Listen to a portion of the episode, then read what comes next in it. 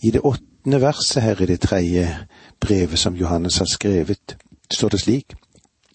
Derfor er det vi som må ta oss av dem, så vi kan være medarbeidere for sannheten. Jeg vet ikke om la merke til at det var sterkt betonet dette vi. Meningen er, når ingen andre hjelper, så må iallfall vi kristne være med å gjøre det. Vi som må ta oss av dem, så vi kan være medarbeidere for sannheten. Og dette er noe stort. De kristne trekkes selv inn i, i det store arbeidet som Gud har lagt til rette for oss, så vi kan være medarbeidere for sannheten. Hvordan er det med oss? Hvordan er det med deg, og hvordan er det med, med meg? Vil vi være medarbeidere for sannheten? Om en ikke selv kan, eller skal, dra ut med evangeliet som misjonærer, evangelister eller hva det måtte være, så kan det være en måte vi kan være med på, og det er å utbre sannheten sammen med de som går ut. Det er det sanne budskap, åndens og frelsens budskap som vi har å meddele om Jesus Kristus.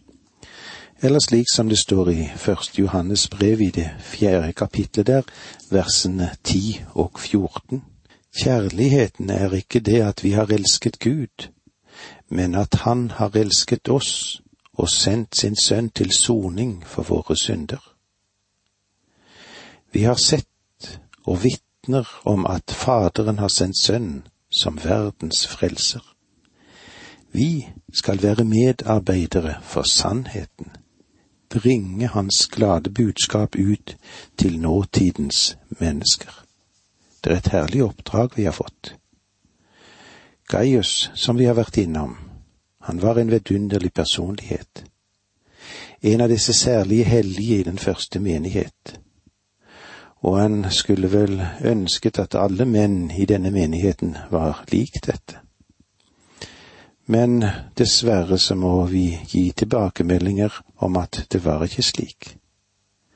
Vi kommer nå til en annen mann, Diotrefes, og hør nå hva Johannes hadde å si om ham, som det står i det niende verset her i det tredje brevet.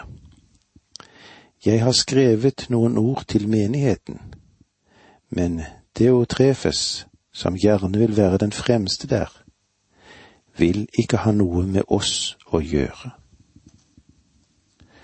Johannes han har skrevet fem skrifter i Det nye testamentet. Han har eh, skrevet et evangelium. Han har skrevet åpenbaringen, og han har skrevet disse tre brevene, eller disse tre epistlene. Det blir altså fem bøker. Om det holder stikk at Johannes skrev sine brev etter åpenbaringsboken, så er dette brevet hans svanesang. Altså, det ble skrevet mot slutten av det første århundret. Og ved denne tiden så var det mange vidunderlige troende som var ført til sannhetens erkjennelse, og de utgjorde menigheten. En kan undre seg på hvordan det gikk med dem. Var alle modeller til en kristen livsstil? Kan vi kanskje tro at disse var klasse én? De fremste? Var de alle fremstående gudsmenn? Var de verdige Kristi etterfølgere? Vel, noen var det, som for eksempel Gaius. Han var virkelig en gudsmann. Men hva med de andre? Var det menn som hadde mot? Var det menn som var fremstående, som sto for det Gud ville at de skulle stå for? Det var det nok. Men det var også typer som Deotrefes. Han var jo helt annerledes, han, enn Gaius. Det som særmerker Diotrefes, er at han elsket å stå i rampelyset. Gaius er den elskede broder, men Diotrefes, han er diktatoren. Han er det vi kan kalle for et maktmenneske. Og eh, det sies her at han til og med satte seg opp imot apostelen Johannes. Johannes hadde skrevet til denne menigheten om å ta imot visse menn. Blant dem var det fremstående evangelieforkynnere, noen som brant for at evangeliet skulle nå ut til datidens mennesker. En av disse ukjente Guds hellige, navnet hans var Demetrius, men så kommer det jo frem at Diotrefes, han ville ikke ta imot ham. Som jeg har nevnt tidligere, praktiserte de første kristne det åpne hjems politikk. Peter nevner det i sitt første brev i det fjerde kapittel vers ni. Vær gjestfrie mot hverandre uten å klage. Og Paulus taler også om dette i første Timotius fem, ni og ti, og det står òg om dette i Romerbrevet 12.13 og i Titus. Jeg vet ikke om Diotrefes var det vi kan kalle for en yrkespredikant, eller om han var en lekmann i menigheten. Men han ville ikke engang åpne sitt hjem for noen av dem som Johannes hadde anbefalt. Årsaken er at han elsket å utøve sin egen makt. Han skulle ha tingene på sin egen måte, og det hadde liten betydning hvilket resultat som kom ut av det. I vers åtte så appellerer Johannes det på denne måten. Derfor er det vi som må tas av dem, så vi kan være medarbeidere for sannheten. Får jeg lov til å si til dere alle sammen som lytter, at det er veldig behov for dette i dag, at Guds barn støtter de som bærer frem sannheten i sin forkynnelse, de som bringer sannhet om Guds ord. Har dere en som forkynner Guds ord i din menighet, en som står på ordet, så støtt ham så langt du kan. Det var den praksis de hadde i den første menighet, og det burde jo være mer aktuelt i dag. Diotrefes var en mann som ville stå høyt. Han var det vi kan kalle for en pretasjonær. Han ville sope til seg æren. Han strutter som en påfugl. Han har et overutviklet ærgjerrighetssans eller følelse. Han er den som vil at alle skal blåse i trompeter når han gjør noe. Han ønsker å fremstå som herlighetens faste utsending. Det er Diotrefes, dette. Johannes har fem anklager mot ham. Det første som han har, han må ha en lederplass i menigheten. Det andre, han nektet faktisk å ta imot Johannes. Det tredje, han kom med onde kommentarer angående apostlene. Og det fjerde, han nektet å ta seg av misjonærer, de som reiste gjennom landet og grunnen til det synes å være at han ønsket selv å stå for forkynnelse og undervisning og bruke noen av dem som han hadde i sin egen lomme. Og eh, det femte, han utstøtte, ekskommuniserte dem som tok seg av misjonærene. Med andre ord ønsket Diotrefes å være den første ubestridte hersker i kirken. Ved deg om du forsøkte å sette deg opp mot ham. Om han var en lekmann, så synes jeg synd på ham som var pastor i menigheten. Diotrefes er en av dem som forsøker å holde sin prest eller forkynner godt bevart i sin høyre hånd eller under sin tommel. Han ønsket å trekke i trådene. Diotrefes, han tålte ikke at hans meninger ble motsatt. Han var selvopphøyende i stedet for selvutslettende. Jeg er sikker på at han ville ha påstått at han hadde utviklet seg i stedet for å la Den hellige ånd stelle med ham. Han var det vi kan kalle for selvtilstrekkelig, og jeg tror at han var skyldig å beundre seg selv også. Diotrefes ville ta hånd om alle forhold i menigheten, så her hadde Den hellige ånd sannelig ikke så mye å si. hvordan er det med oss i dag? Slipper vi Den hellige ånd til å få virke der vi er, og der vi tjener? Vær tro mot sannheten. Og med disse ordene må vi si takk for nå, må Gud være med deg. Dette undervisningsprogrammet består av to deler. Åge Nevland fortsetter nå med andre del av dagens undervisning. Vi er i apostelen Johannes sitt eh, tredje brev, og vi er i det niende verset her. Og eh, vi opplever å se hvordan det var i den første tid med de folkene som var der. Tror du at det var bare glede og takknemlighet? Tror du at det var paradiske tilstander som fungerte der og da? På en meget åpenhjertig og realistisk måte så kommer Johannes og avdekker en tragisk konflikt som har oppstått i menigheten. Og eh, det er kanskje noe som man kan se i andre sammenheng. Det var preget av maktsyke. Her var intriger. Det var vanskeligheter i menigheten. Og Diotrefes, som gjerne ville være førstemann blant dem, i menigheten. Han skapte nok en del røre. Og det har eh, vært gjort atskillige forsøk på å rekonstruere denne konfliktsituasjonen, for å muligens finne frem til hvem dette kunne være. Diotrefes, hvem var han?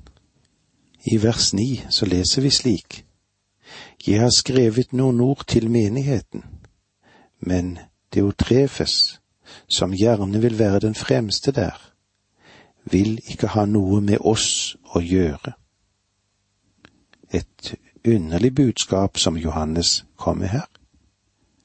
Og uansett hvem denne mannen var og har vært, og hva stilling eller tillitsverv han hadde i menigheten, har han iallfall vært årsak til mye vondt. Johannes har skrevet til noe, noen i menigheten om dette men noe kjennskap til brevets videre skjebne, det har vi ikke. Alle ting tyder på et motsetningsforhold til apostelen må ha vært meget bittert, siden Diotrefes har våget å gå så langt som til å nekte å ta imot apostelhøvdingen som Johannes. Diotrefes tar ikke imot oss. Oss kan òg muligens være forfatterflertall, men det kan jo gjelde både Johannes og de omreisende misjonærer, som den herskesyke menighetsleder heller ikke ta imot. Jeg kan undre meg, kjenner du igjen noe til denne karen? Kristi menighet er i dag verken ukjent med eller spart for menn av det kaliber som Diotrefes var menn som absolutt og totalt skal styre menigheten, kirken, eller det det måtte være, eller der kristne møtes, eller troende møtes. Det er vel noe som vi kan dvele med litt. Og jeg beklager å måtte si at jeg er støtt på disse type mennesker og ledere, eller misforståtte ledere. Noen har endatil klart å ødelegge menigheten for sin maktsyke vei å gå. De burde ha satt en dobbel strek under Paulus sitt ord, som det står i første Tessalonikerbrev 4.11. Dere skal sette deres ære i å føre et stillferdig liv. Får jeg, om ikke annet så for balansens skyld, si at jeg også har møtt flere av typen fru Diotrefes i menighetene. Kvinner som tror de behersker alt og vil ha sine medsøstre til å lyde seg i ett og i alt. Det er noe de har mistet underveis som de burde lete etter med lys og lykte. Hva er det? Kritisk sans. Jeg sier dette fordi det bekymrer meg litt, ja, kanskje ikke så lite heller men jeg har òg møtt bedriftsledere som har kjempet for å tilpasse et produkt for sitt marked. De lager stadig nye modeller, de gjør nye prøver. De ofrer tid og kapital og oppmerksomhet på å få det beste produktet ut blant folk. Og av og til så har jeg tenkt med meg selv, å, om bare Guds folk ville arbeide like hardt for å få alt til å virke godt, samvirke på best mulig måte, i hvert møte. Tenk om det kunne være slik. Eller i hver gudstjeneste. For at Kristi navn kunne få ære. Han fortjente det beste, vår Herre, ikke sant? Jo, vi trenger alle å granske våre hjerter, også vi som formidler Guds budskap. Hvorfor står vi frem? Hvorfor leder vi? Hvorfor synger vi? Er du bare tilfreds om du får spille førstefiolin? Kunne det ikke tenkes at det var bedre om du tok den andre fiolin og spilte annenstemmen, kanskje? Gjør du alt til Guds ære? Selvfølgelig så trenger vi noen som kan lede. Og vi trenger noen som kan synge sol eller å synge i kor. Og vi trenger noen som kan undervise i Guds ord. Det er mange som vi har behov for. Men gransk nå ditt hjerte før du gjør noe for at du kan kjøre en menighet i senk, om du er som Diotrefes, som elsker å være først. Og Johannes sier noe om dette problemet i sitt tiende vers i det tredje brevet. Når jeg kommer, skal jeg sørge for at han blir minnet om hva han har gjort, for han farer med ondsinnet sladder om oss. Men han nøyer seg ikke med det. Selv nekter han å ta imot brødrene, og når andre vil gjøre det, hindrer han dem og støter dem ut av menigheten. Når jeg kommer. Det virker som om Johannes allerede har bestemt seg for å rydde opp i denne saken. Det skinner også gjennom mot slutten av dette brevet. Om han kom dit, ja, det vet vi ikke. Men intensjonen, den er klinkende klar. Diotrefes sin oppførsel er så graverende at dette må ta, slutt. Jeg skal sørge for at han blir minnet om hva han har gjort. I kristendom er det viktigste ordet sannhet, og sannhet uttrykker seg selv i kjærlighet. Og så enkelt, ja, og så viktig, og så Inderlig bør det være dette, at vi skal være sannheten tro mot ordet. Diotrefes, han elsket å være først, noe som er karakteristisk for kjødet. Åndens frykt er selvbeherskelse, men Diotrefes var en diktator. Selvbeherskelse betyr ikke nødvendigvis svakhet eller feighet. Det er leit at det ikke var noen som manet seg opp til å tale imot Diotrefes i menigheten. Moses han blir ansett for å være en ydmyk og tålsom mann. Men når han reiser seg og talte til Israels barn, så lød han ikke alltid så veldig ydmyk etter vår definisjon av ordet da. Han talte med den autoritet som Gud hadde gitt ham. Den Herre Jesus var ydmyk av hjerte, men han dro inn og renset tempelet. Og det er grunnen til at jeg mener at det er min plikt å tale ut om dette som Johannes sier, og det er veldig å få slike ord og ta slike ord i sin munn. Ja, hva synes du da? Når noe tar skade i våre menigheter, så burde noen si, Hør her, min bror eller søster, sett deg ned litt. Du ødelegger ting. Du må bli kvitt kjærligheten til alltid å være først. Hjelp andre frem i stedet for alltid å hjelpe deg selv frem. Johannes sier det slik til oss, når jeg kommer, skal jeg sørge for at han blir minnet om hva han har gjort. Diotrefes blotter med dette ikke et tegn på en troende. målt med hvilken som helst mål du måtte. Åpenbart hadde han ikke sannheten. Han farer med ondsinnet sladder om oss. Diotrefes forsøkte fullstendig å ødelegge virkningene av apostlenes lære og virksomheten som de hadde, og spesielt i forholdet til Johannes. Johannes sier, Når jeg kommer, vil jeg ta affære i denne saken. Jeg skal tale ham midt imot. Jeg vil la det bli kjent hva denne mannen sprer av ondsinnet sladder. Men han nøyer seg ikke med det. Selv nekter han å ta imot brødrene, og når andre vil gjøre det, hindrer han dem og støter dem ut av menigheten. Tenk deg en slik leder. Han sparker ut alle som vil åpne sine hjem for menn Johannes hadde anbefalt.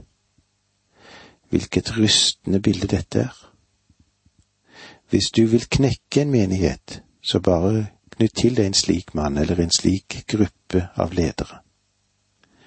Jeg skulle ønske at dette her var ukjent i vår tid, men dessverre er det ikke slik. Vi må hjelpe hverandre i å være tro mot sannheten i kjærlighet. Og med disse ordene sier vi takk for nå, må Gud være med deg.